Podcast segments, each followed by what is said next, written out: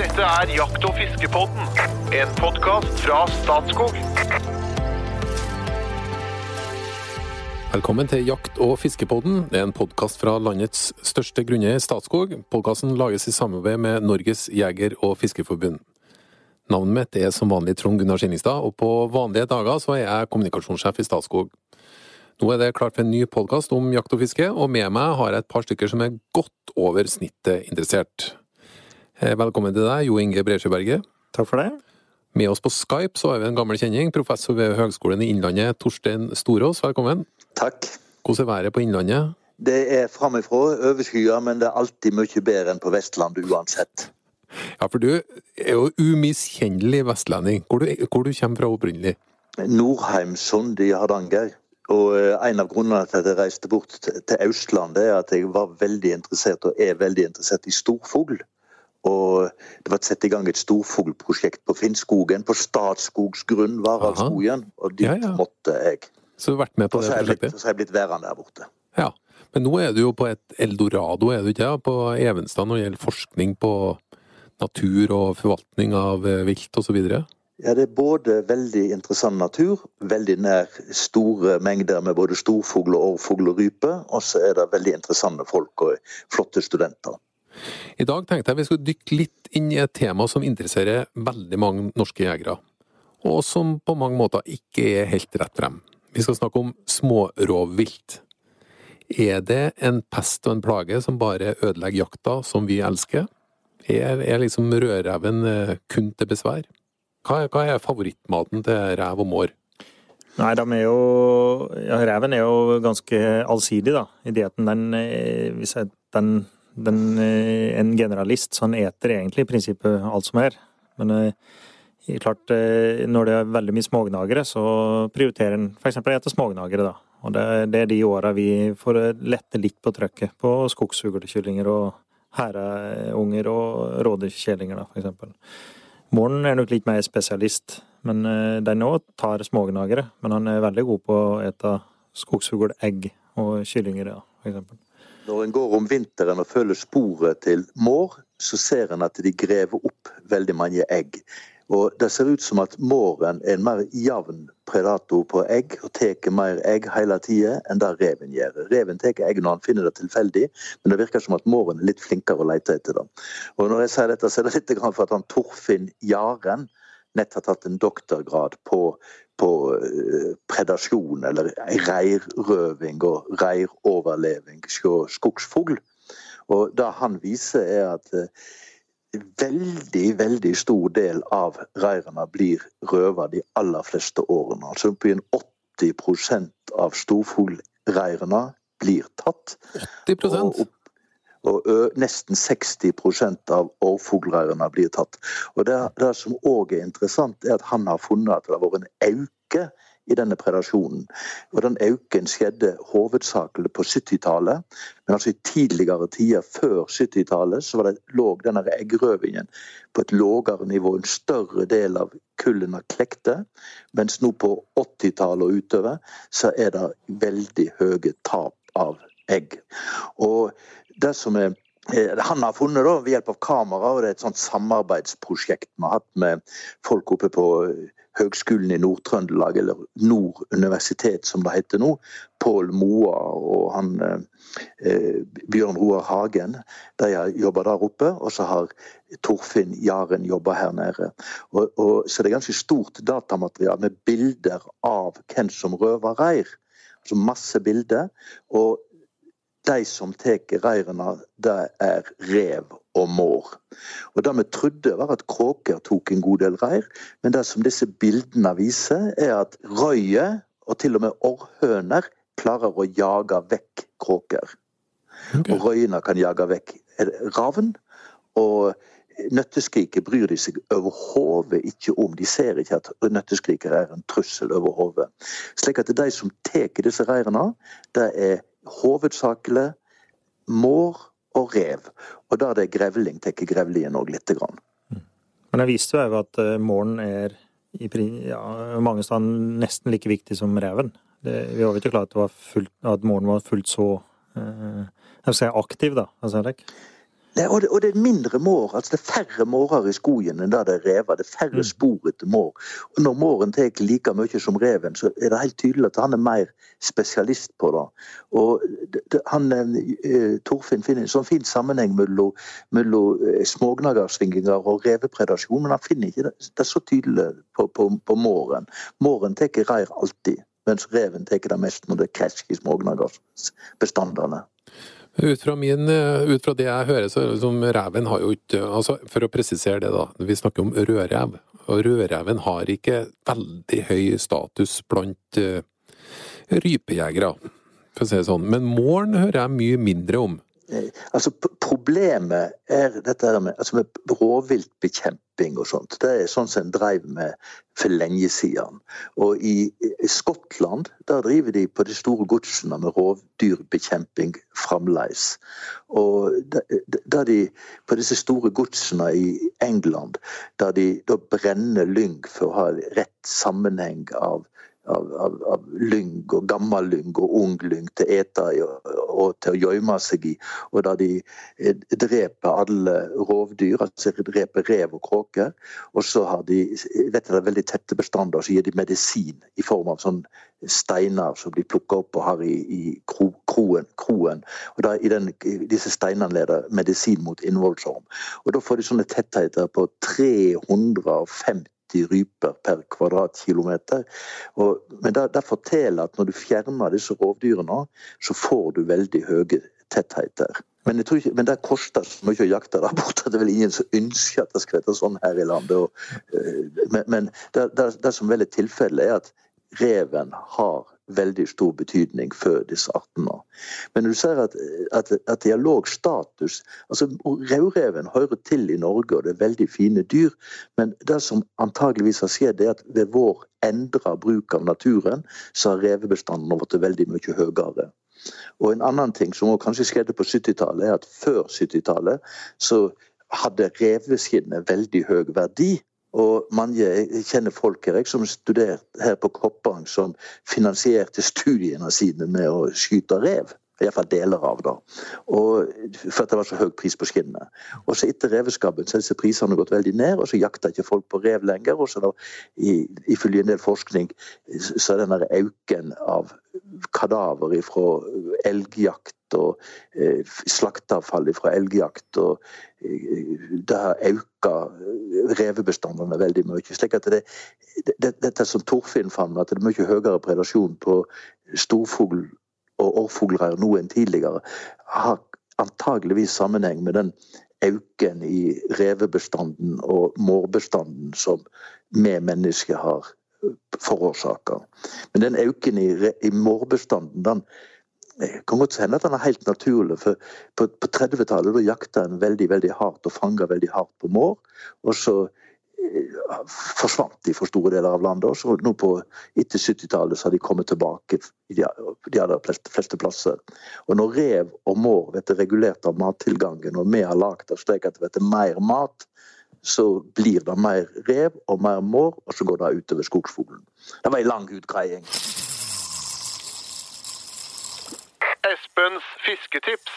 Når du skal ut og fiske med barn, og lære barn å fiske, så er mitt absolutte råd fisk med dupp. Fordelen med duppfiske er at duppen fisker eh, av seg selv, selv om barnet går lei, og det kommer det til å gjøre før eller siden. I tillegg så er det slik at duppen visualiserer fisket. Den synliggjør for barnet hva som skjer. Når fisken snapper på agnet og duppen begynner å vandre bortover vannflaten, ja, da ser barnet at det er noe som skjer der ute. Og bruker du en moderne dupp, en såkalt antennedupp som reiser seg opp i vannet, ja, da er visualiseringen enda sterkere, og fisketuren blir en suksess. Eh, eh jo Inge, du har tidligere snakka om eh, Statskog disponerer et, eh, eller eier et område i vannskillet, da, som i dag heter Njardarheim. Som er en litt, litt spesiell historie. Den ene, det, litt av historien kjenner jeg. Det er jo at, at området ble kjøpt ut av Quisling i, i, den gang da. Og før, før, det så skulle det være et jaktområde for adelen i Europa. Og den forretningsideen gikk jo relativt dårlig i det øyeblikket det brøt ut krig.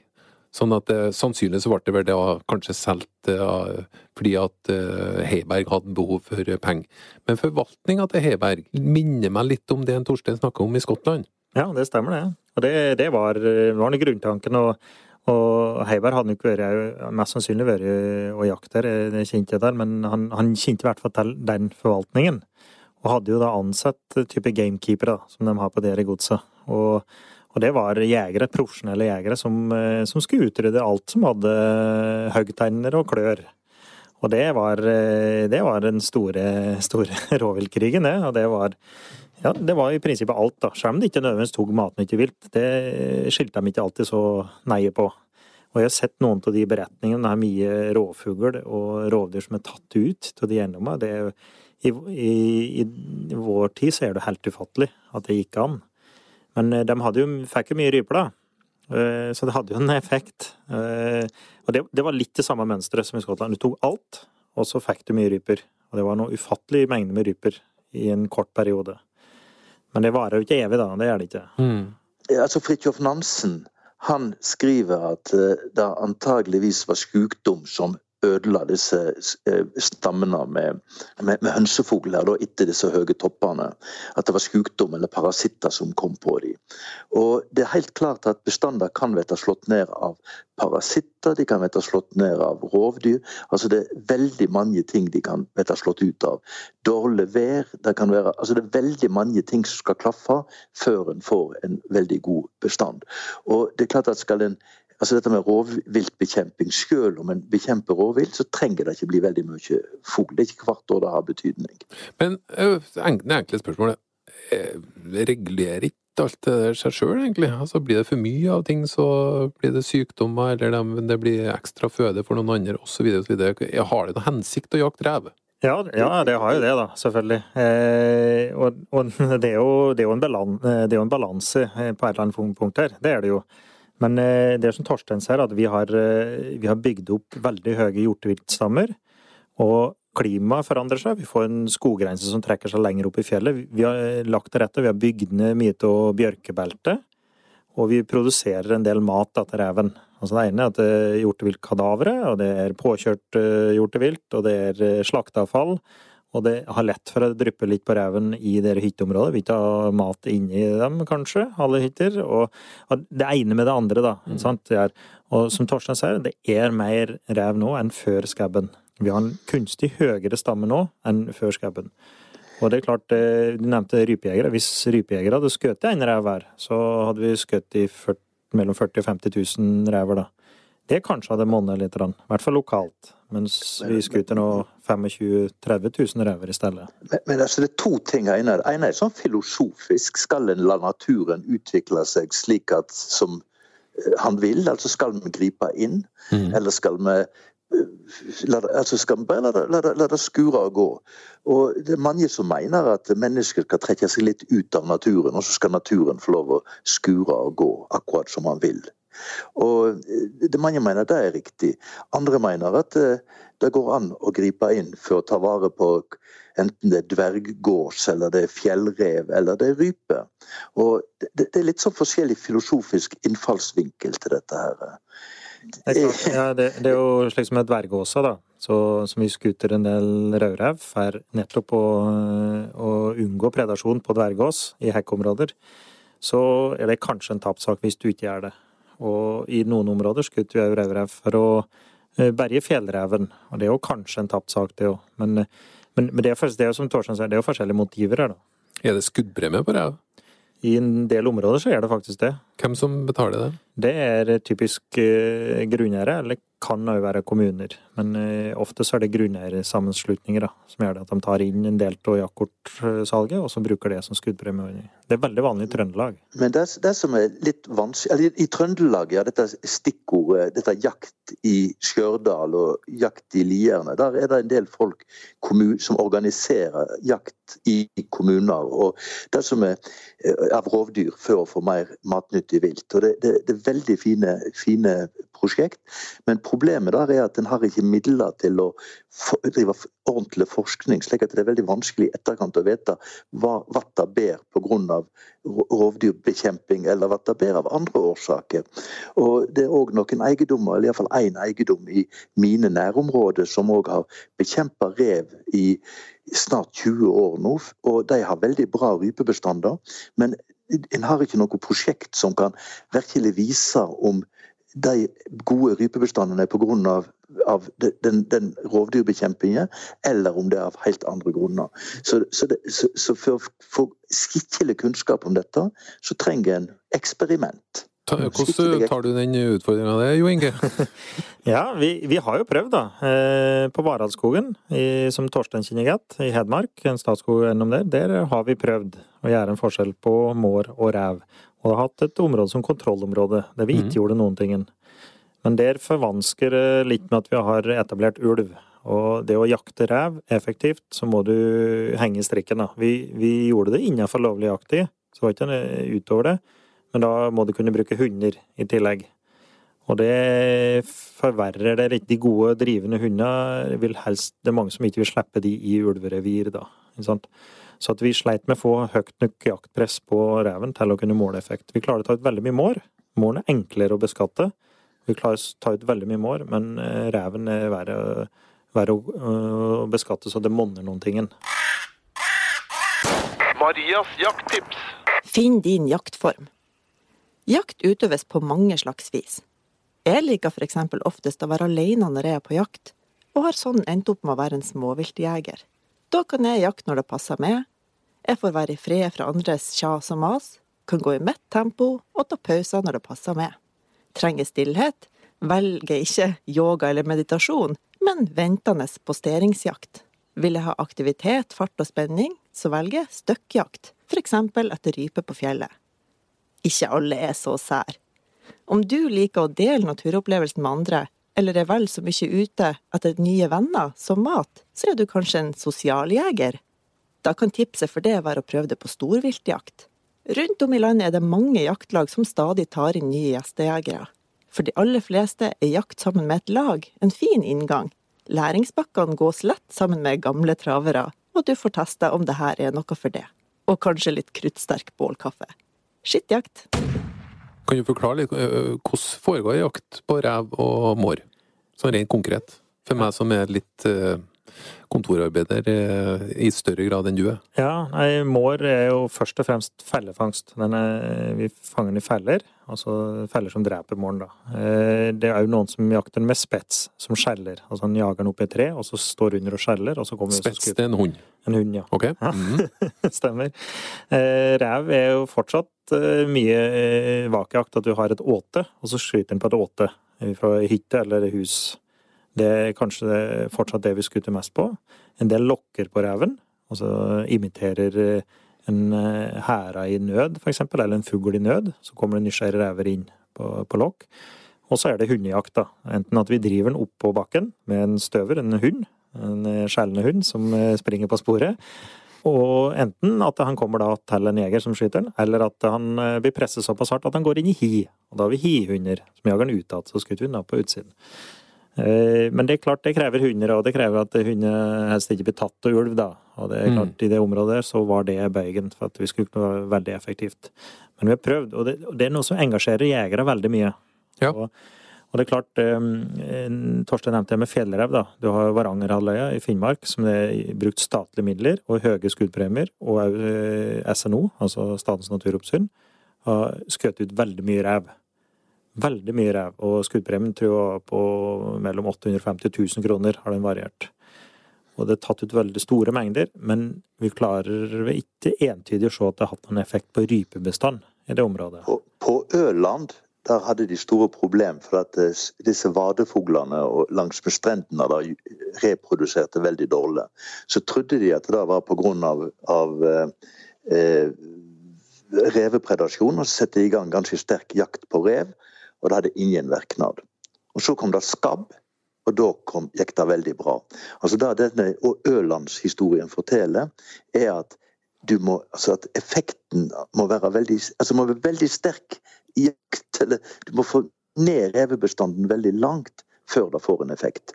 Og dette med rev Per Vegge på Varaldskogen har eh, sett på sånn revemøkk og ser at disse tettheten av rev altså Han ser på genetikken i møkk for å skilje ulike individ. Og Det han ser, er at de tettheten av rev er så høye at jeg tårer ikke si ord, eh, disse tettheitene, for det, det, virker helt utrolig. Altså det, det, er veldig veldig mye rev inne på skogen der. Og enda mer er det i jordbruksområdet. slik at Skal denne jakten ha noe betydning, så må det jaktes veldig hardt. Og så er det òg dette at det er sikkert ti andre ting òg som bestemmer hvor mye rype du får. Mm, mm. Og, det, og det er enklere å Eh, det eksempelet du viste der, altså, det er jo enklere å beskatte rev i et lukket system. Altså øy, mm. det kan du klare. Mm. Rev, mink eller mår på, på et lukket system. Men i åpne skoglandskap, og så tro at det på en enkelt eiendom eller på et lite grunnlag skal kunne gjøre den helt store forskjellen, da skal du drive lenge og, og intenst, altså. Jeg føler at det, sånn diskusjon, diskusjon, går nå nesten litt sånn rundt eh, rev og mår som tilnærma skadedyr, da. Nesten litt av det perspektivet. Eh, men, og nå drar jeg sikkert langt, eh, men Statskog har jo på en måte prøvd å se at jakt på dette her er også attraktiv jakt, og selv faktisk smårovviltkort. Jeg føler at det er to måter å se på. Det er en attraktiv jakt på ene sida, eller på den andre sida det er, en, det er et, et tilnærmet skadedyr som må reduseres. Mm. Du får ikke meg og Torstein til å si at det er et skadedyr, det tror jeg ikke du klarer. Eh, jeg er veldig fascinert av det her, og det er rovdyr. Og, og de som spesialiserer på jakt på rovdyr, de er ofte veldig gode til å jakte alt annet. Altså Det er det vanskeligste jakta. Og reven er kanskje et av de vanskeligste viltet vi har å jakte på. Skal du bli skikkelig god til å jakte rev, så må du være god. Altså du skuter, Hvis du er god, så skuter du mange rev, for det er mye rev. Men det er jo vanskelig for en rev til å gå i felle enn ei gaupe, f.eks mye lettere å få ei eh, gaupe til å gå inn i felle enn en rev. Så det blir skikkelig god til å jakte rev. Det krever mye innsikt, det krever mye mm. kunnskap, og du må være en veldig dyktig jeger. Og jeg har ekstremt stor respekt for de som er gode til å jakte rev. Og jeg jakter en del rev sjøl. Jeg veit det er vanskelig der, og har veldig stor respekt for den. Så jeg klarer ikke å se på reven som en skader. Jeg har veldig stor respekt for den, altså. Men du, han, han, han, han Halvor Heierdal Rask, han var far til denne eh, lov om utrydning av eh, rovvilt og fredning av annet vilt fra 1845. Og han, han skriver om disse rovviltet og jakt på rovvilt, så mener han at eh, rovviltet egentlig har en veldig bra betydning for militærberedskapen i landet. For at de beste soldatene var de som hadde vært på rovviltjakt. Han mente det var så lang tid siden vi hadde vært i krig at norske folk, og ungdom, holdt på å forfalle, og at det var veldig veldig viktig å ha denne rovviltjakten og få gode soldater. Hvis jeg skal trekke noen konklusjoner nå. En konklusjon er at vi trenger mer datagrunnlag og forskning. så Vi, vi burde gjøre en del eksperiment. Det, det, er en sånn konklusjon som alle forskere alltid kommer med for å få mer penger til å forske med. Men jeg må dessverre si at det er nok sant. Ja. Og det, en bør gjøre her, er å kanskje prøve å få ned disse rovviltbestandene uten nødvendigvis å drepe dem. Altså klarer en å, å f.eks. få vekk en del slakteavfall fra storviltjakter. Hvis en klarer å, å, få bort en del av dette næringsgrunnlaget deres, så vil det òg være en god ting. Men en må prøve ut dette i praksis. Og, for, og så må en følge dette så nøye at en ser om det har effekt eller ikke. Mm. For at det, igjen, det er så mange faktorer som virker inn på skogshøns, at selv om du fjerner rovdyr, så kan det gå veldig dårlig av helt andre grunner. Så en, så en, må, en må følge nøye med både på reven og på skogsfuglen, og så må en gjøre eksperiment. Mm. Det, det, det, jeg er helt enig med Torstein, og det er eh, noe vi har lyst til å prøve, vi òg. Altså, vi vil være med på å prøve noen prosjekter, for jeg har lyst til å vite. Det er noe som jegere er utrolig engasjert i. Men jeg tror òg at de, de, fleste jegere har en litt overdreven tro på at du, du skutter en rev, så får du mer rådyr eller mer hære eller mer skogsfugl. Mm. Det er ikke så enkelt, altså. Det, det er ganske kompliserte sammenhenger. Altså, skal jeg avslutte med det du sa, Jo Inge, at du har stor respekt for eh, en dyktig revjeger. For rev er et vanskelig bytte. Mm. Og det syns jeg er et uh, greit signal å sende med. Eh, rev er et vanskelig bytte. Du må være en god jeger for å lykkes. Ja, det er jakt som all annen jakt. Det er veldig vanskelig jakt. Mm. Da har vi kommet ved veis ende. Jeg er litt usikker på om det var, det var både til glede og besvær, egentlig, predatorer. Og det er særdeles vanskelige sammenhenger.